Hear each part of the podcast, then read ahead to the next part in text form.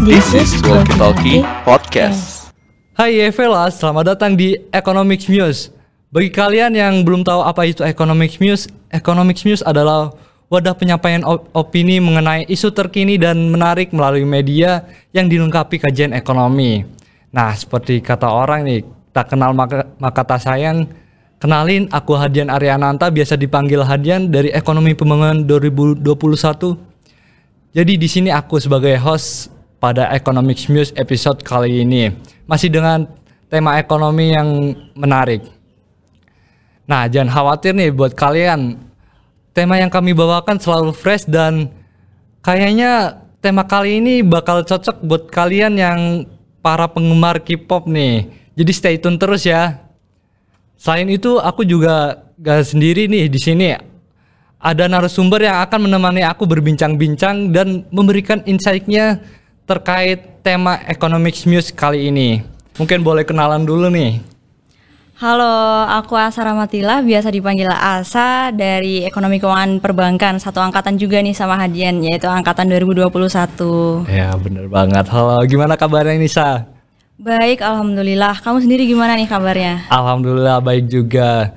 Kalau boleh tahu Nisa, uh, kesibukan yang kamu jalanin sekarang tuh apa ya, Sa? Waduh, kalau ditanya kesibukan mah namanya mahasiswa ya, pastinya uh, sibuk beresin tugas yang numpuk sih, apalagi kan habis libur lebaran banyak tugas yang terbengkalai gitu. Wah, aku juga relate banget sih habis liburan kan, jadi uh, tiba-tiba muncul banyak tugas, jadi masih agak kaget ya, Sa. Bener banget. Terus denger-denger nih, Sa, uh, dengar-dengar kamu nih seorang K-popers juga. Aduh. Kalau aku sih suka ya sama K-pop, tapi nggak di, nggak bisa dibilang fanatik gitu. Oh, boleh kali sebutin grup yang kamu suka, Sa? Kalau grup sih aku ngikutin EXO karena aku suka lagu-lagunya ya. Oh, aku dikit tahu tuh tentang EXO. Uh, lumayan asik-asik juga Iya, sih lagu-lagunya. iya. Terus sebagai mahasiswi ekonomi sebagai sekaligus K-popper nih, Sa. Kamu ngikutin berita yang lagi rame kemarin gak sih di dalam dunia K-pop eh, yang katanya terjadi perebutan akuisisi saham SM Entertainment oleh Hype dan Kakao. Ah, ngikutin, ngikutin. Kamu juga ngikutin nggak? Kan kamu mahasiswa ekonomi juga nih. Aku aku ngikutin sih, tapi nggak terlalu detail gitu ya, Sa. Makanya aku mau ngajak kamu ngobrol-ngobrol lebih banyak nih, biar aku juga semakin tahu gitu dan para pendengar pendengar juga semakin tahu juga. Oke, jadi hari ini kita mau ngobrol-ngobrol soal Kakao and Hype War to acquire SM Entertainment yang sedang banyak dibahas apalagi oleh para penggemar K-pop. Tapi sebelum itu dari kamu sendiri bisa jelasin nggak sa apa itu SM Entertainment dan apa perannya di dalam dunia hiburan di Korea Selatan? Nah, kalau sepengetahuan aku nih, SM Entertainment itu kan eh, pendirinya Lee Suman ya. Beliau ini mendirikan perusahaan itu di tahun 1995. Nah, kenapa bisa SM ini gede banget di Korea Selatan dan dikenal sama semua orang sana itu karena eh, perusahaan ini yang mempelopori adanya street casting, training, manajemen artis, produksi musik, drama, bahkan variety show gitu. Nah, eh, selain itu kenapa bisa gede banget di Korsel? Ini tuh SM dia menaungi beberapa grup gede yang pastinya para pendengar Economics News ini kenal ya, kayak EXO, NCT, aespa dan masih banyak lagi. Oh, pantesan berita pengakuisisian saham ini booming banget ya di sana. Apalagi impactnya SM nih di dunia hiburan di Korsel sana gak main-main ya. Iya bener banget tuh pasti. Nah, terus eh, permasalahan awal dari perebutan akuisisi ini apa sih, Sa? Permasalahannya karena Lee Suman ini awalnya mau ngejual sahamnya dan menarik perhatian berusa- eh, beberapa perusahaan besar kayak Hype, Kakao, dan CJ Group. Nah, itu sih permasalahan awalnya. Aduh, semakin menarik ya. Eh, kalau boleh tahu nih, Sa, emang kenapa sih Sa kok Lisuman ini mau ngejual saham kepemilikannya atas SM Entertainment? Eh, kalau diceritain sih Lee Suman ini sebenarnya kan udah nggak jadi CEO dari tahun 2010 ya, tapi dia masih ada di jajaran board of directorsnya SM Entertainment. Jadi eh, technically beliau ini masih punya saham terbesar lah di SM. Nah, dari tahun 2020 tuh investment bankersnya Korsel melaporkan bahwa Lisuman ini nggak ada niatan buat ngewarisin saham-saham yang dimilikinya tuh ke anak-anaknya karena beliau berharap nantinya itu sahamnya bisa dibeli sama entertainment atau company group uh, maksudnya entertainment atau media company gitu ya biar nantinya masa depannya SM itu lebih cerah aja lah dari sekarang karena terkelola sama perusahaan itu kayak gitu. Wah, visioner juga nih Pali sama ya. Kalau aku jadi dia sih nggak bakal kepikiran sampai situ sih, Sa. kan kamu bukan ini Soman. Oke, jadi siapa aja sih Sa, pihak yang terlibat di war ini? Tentunya Lisuman sendiri, terus ada SM Entertainment sama Hype and Kakao. Oke lanjut lanjut terus gimana tanggapan dari SM Entertainment atas kabar Lisoman yang mau ngejual saham kepemilikannya ini? Uh, kan SM Entertainment itu sebelumnya kan dia udah mengumumkan bahwa mereka udah memutus kontrak dengan Lisuman.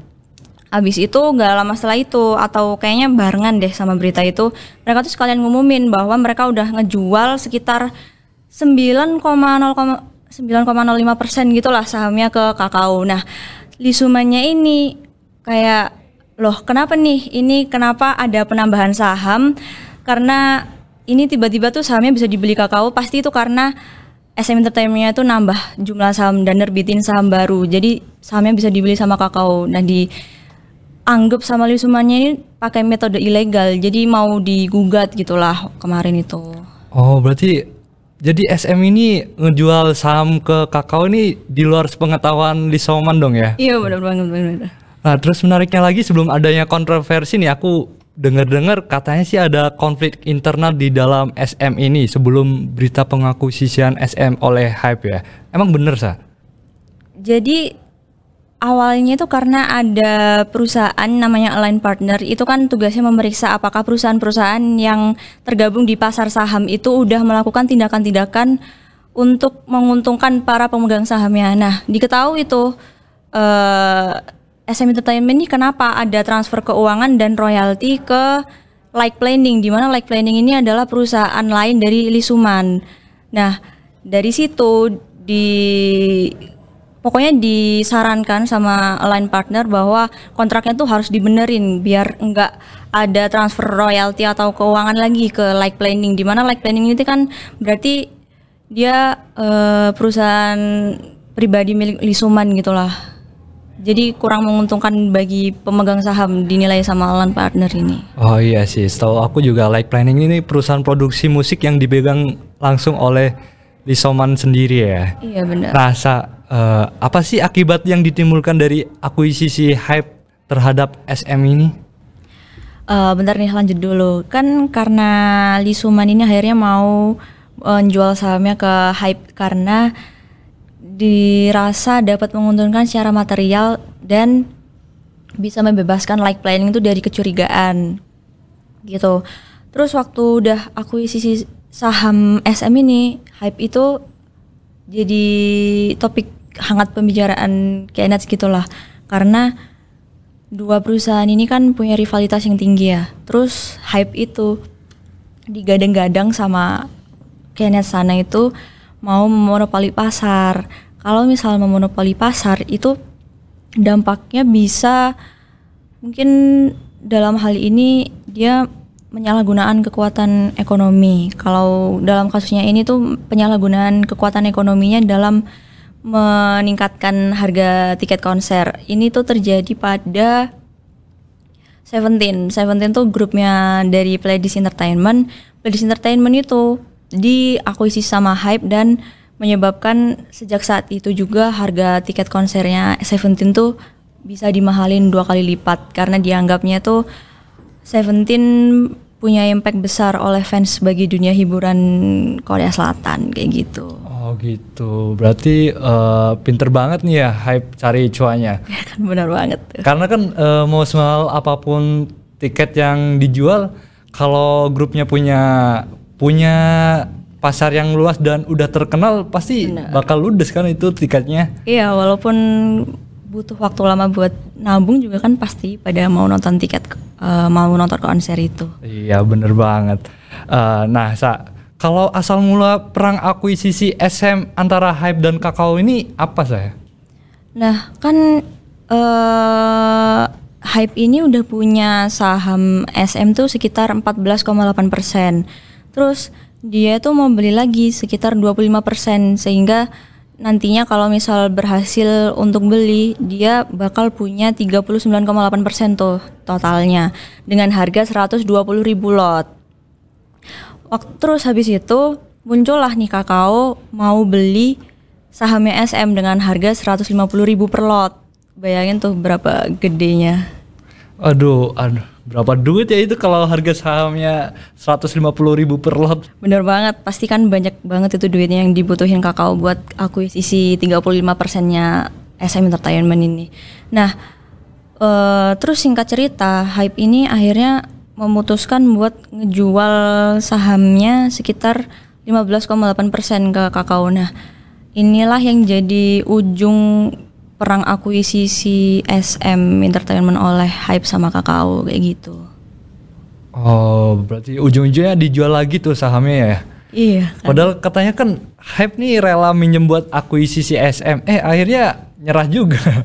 Iya kayaknya aku dengar-dengar tuh kasnya hype buat akuisisi saham itu belum belum cukup jadi rela minjem duit gitu. Oh, berarti gitu ya.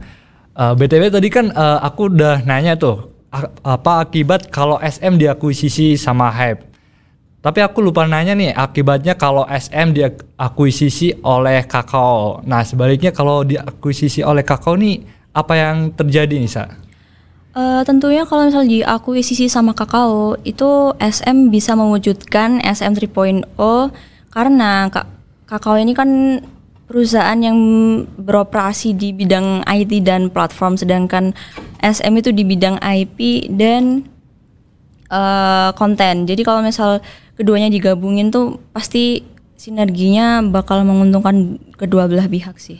Oke gitu. Tapi aku masih kepo nih, kenapa Kakao milih buat akuisisi SM ya? Padahal kan masih ada JYP dan YG yang nggak kalah gede eh, daripada SM kan dan prospek kalau memang Kakao pengen akuisisi perusahaan entertainment bisa ngambil kedua perusahaan itu. Nah, simpelnya sih kan eh, Kakao ini pengen akuisisi perusahaan entertainment-entertainment gitu, tapi JYP sama YG tuh belum mau jual sahamnya gitu. Jadi eh, ketika SM jual saham ya udah eh, sikat aja gitu sama Kakao kayak gitu. Oh, gitu berarti ya.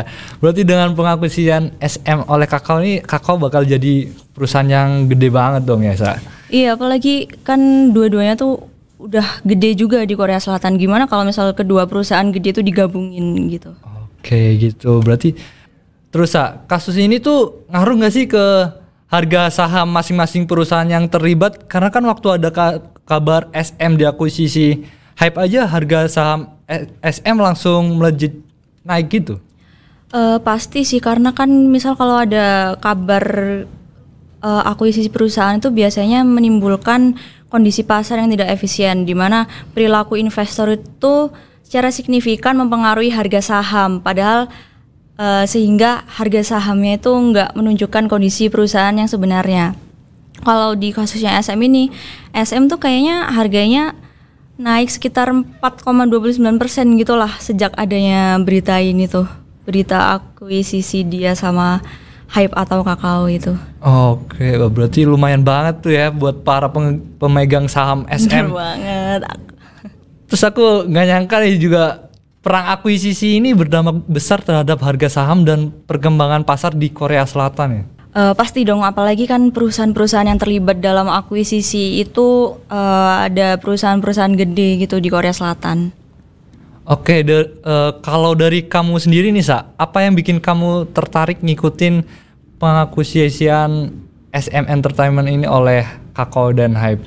Eh, kebetulan karena aku mahasiswi ke eh, ekonomi keuangan perbankan ya di semester ini itu aku dapat mata kuliah simulasi trading online di mana aku terjun sendiri buat eh, analisis fundamental dan teknikal saham yang prospek buat dibeli gitulah jadi terus apa juga yang mempengaruhi harga saham bisa naik atau turun jadi aku belajar oh gini ternyata realitanya di bisnis gitu Oh, berarti berkaitan dengan perkuliahan kamu sekarang ini ya, Sa? Ya kayak gitulah. ya, aku mana? Oke, wah seru banget ya pembahasan kita kali ini. Tapi dari kita cuma punya waktu yang terbatas nih. Tapi kalau kalian masih tertarik untuk diskusi lebih lanjut, boleh banget nih hubungin Kak Asa aja. nah, demikian penjelasan mengenai Kakao Hype War to acquire SM Entertainment Ketika terjadi perebutan akuisisi saham antar dua perusahaan, maka akan timbul kondisi di mana pasar menjadi tidak efisien. Nah, pasar tidak efisien ini adalah keadaan pasar di mana perilaku investor secara signifikan mempengaruhi harga sekuritas sehingga harga saham tidak menggambarkan keadaan perusahaan yang sebenarnya. Nah, hal inilah yang terjadi pada perebutan saham saham SM Entertainment oleh Kakao dan Hype Corporation. Dari Asa mungkin ada closing tambahan? Uh, mungkin aku mau minta maaf sih kalau ada salah kata ketika diskusi bareng Hadian tadi dan kalau misal ada salah interpretasi informasi yang aku dapat, uh, feel free banget untuk menghubungi aku buat diskusi lebih lanjut tentang topik yang udah kami bahas tadi. Oke, terima kasih untuk Asa dan para pendengar yang telah mendengarkan podcast kita sampai akhir. Aku Hadian selaku host Economics News kali ini pamit undur diri dan sampai jumpa di episode Economics News selanjutnya. Bye bye. This is Walkie Talkie Podcast.